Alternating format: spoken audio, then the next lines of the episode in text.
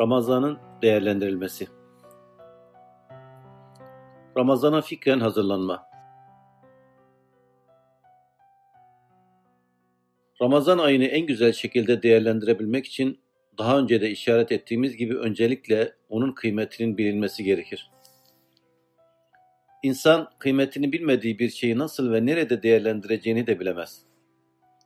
Diyelim ki elinizde demirden yapılmış fakat antika kıymetinde bir yüzük var. Bu yüzüğü demirciler çarşısına götürseniz ona gerçek kıymetinin çok çok altında bir fiyat biçeceklerdir. Ancak onu antikacılar çarşısına götürdüğünüzde gerçek değerini onlar size söyleyeceklerdir. Bu sebeple elinizde bulunan o yüzüğün önce mahiyet ve değerini öğrenmeniz gerekir. Aynen bunun gibi Ramazan ayının kıymetini bilmeyen bir kişi onu değerlendirme konusunda yetersiz kalacaktır. Değerini bilen kimse onun bir anını bile boş geçirmemeye gayret edecektir.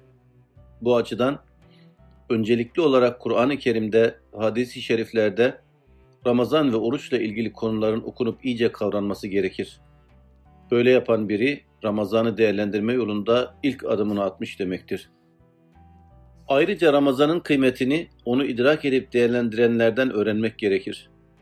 Bu açıdan Allah dostlarının, faziletli ve alim kimselerin bu hususta yazdıklarını okumak çok önemlidir. İmam Gazali, İmam Rabbani, Muhyiddin İbn Arabi, Bediüzzaman gibi zatların Ramazan ve oruçla ilgili değerlendirmeleri bu hususta bizlere yol gösterecektir. Rahmetullahi aleyhim ecmain. Ayrıca Allah dostlarının hayat sergüzeşleri içinde Ramazan'ı nasıl değerlendirdiklerini bilmek de bu konuda ayrı bir motivasyon ve rehabilitasyon dinamiği olacaktır. Oruç tutma Ramazan ayının en bariz özelliği bu ayda tutulan oruçtur. Müminler üç ayların başlamasıyla birlikte Ramazan'da tutacakları oruç için hazırlık yapar, gerek vücutlarını gerekse zihinlerini oruca alıştırmaya çalışırlar.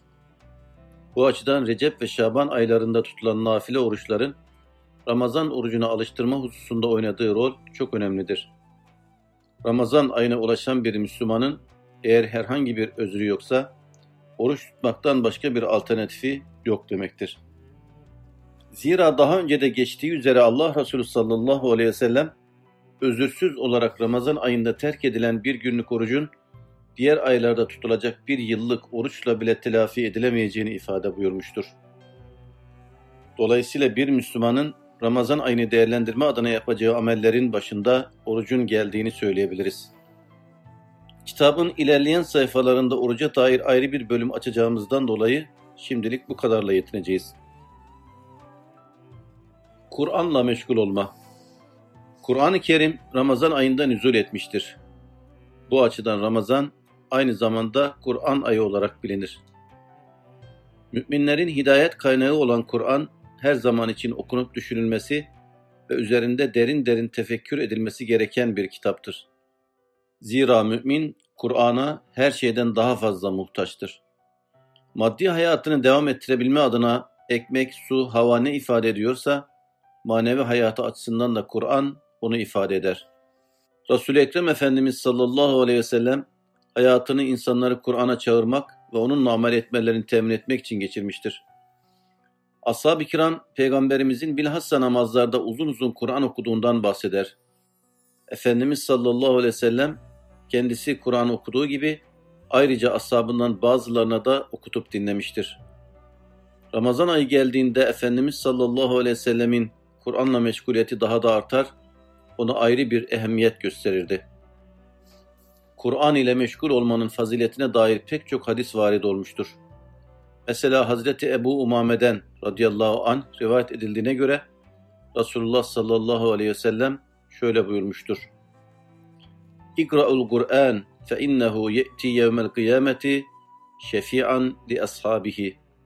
Kur'an okuyunuz. Çünkü Kur'an kıyamet gününde kendisini okuyanlara şefaatçi olacaktır. Efendimiz sallallahu aleyhi ve sellem bir başka seferinde ise şöyle buyurmuştur.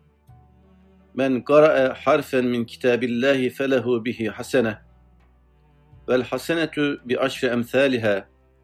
La aqulu elif lam mim harfun. Velakin elifun harfun ve lamun harfun ve mimun harfun. Kur'an-ı Kerim'den okunacak her harf için sevap vardır ve bu sevaplar on katı olarak kişinin sevaphanesine yazılır. Mesela elif, lam, mim bir harften ibaret değildir Elif bir harf, lam bir harf, mim de bir harftir. Hazreti Ayşe radıyallahu anhadan rivayet edildiğine göre Nebi Ekrem sallallahu aleyhi ve sellem şöyle buyurmuştur. اَلَّذ۪ي يَقْرَأُ الْقُرْآنَ وَهُوَ مَاهِرٌ بِهِ مَعَ السَّفَرَةِ الْكِرَامِ الْبَرَرَةِ وَالَّذ۪ي يَقْرَأُهُ وَهُوَ عَلَيْهِ شَاقٌ فَلَهُ اَجْرَانِ Kur'an okumada mahir, onu gereği gibi güzel okuyan kimse, vahiy getiren şerefli ve itaatkar meleklerle beraberdir. Öte yandan bu hususta mahir olmayan, Kur'an okurken zorlanan, onu kekeleyerek zorlukla ancak okuyabilen kimse ise, bu haline rağmen Kur'an okumaya devam ettiği için iki kat sevap vardır. Kur'an'ı öğrenip okumanın yanında onu başkalarına öğretmenin de Allah katında büyük bir değeri vardır. Hazreti Osman bin Affan radıyallahu anh'ten rivayet edildiğine göre Peygamberimiz sallallahu aleyhi ve sellem şöyle buyurmuştur. Hayrukum men teallemel Kur'an ve allemehu. Sizin en hayırlılarınız Kur'an'ı öğrenen ve öğretenlerinizdir. Kendisine gıpta edilecek iki kişiden biri de Kur'an'la meşgul olandır. İbni Ömer radıyallahu anhuma'dan rivayet edildiğine göre Resulullah sallallahu aleyhi ve sellem şöyle buyurdular. La hasede illa fitneteyn. Kur'an fehuve yetluhu ana'el leyli ve anen nehar. Ve raculun atahu Allahu malen fehuve yunfikuhu ana'el leyli ve ana'en nehar. Sadece şu iki kimse gıpta edilmeye layıktır.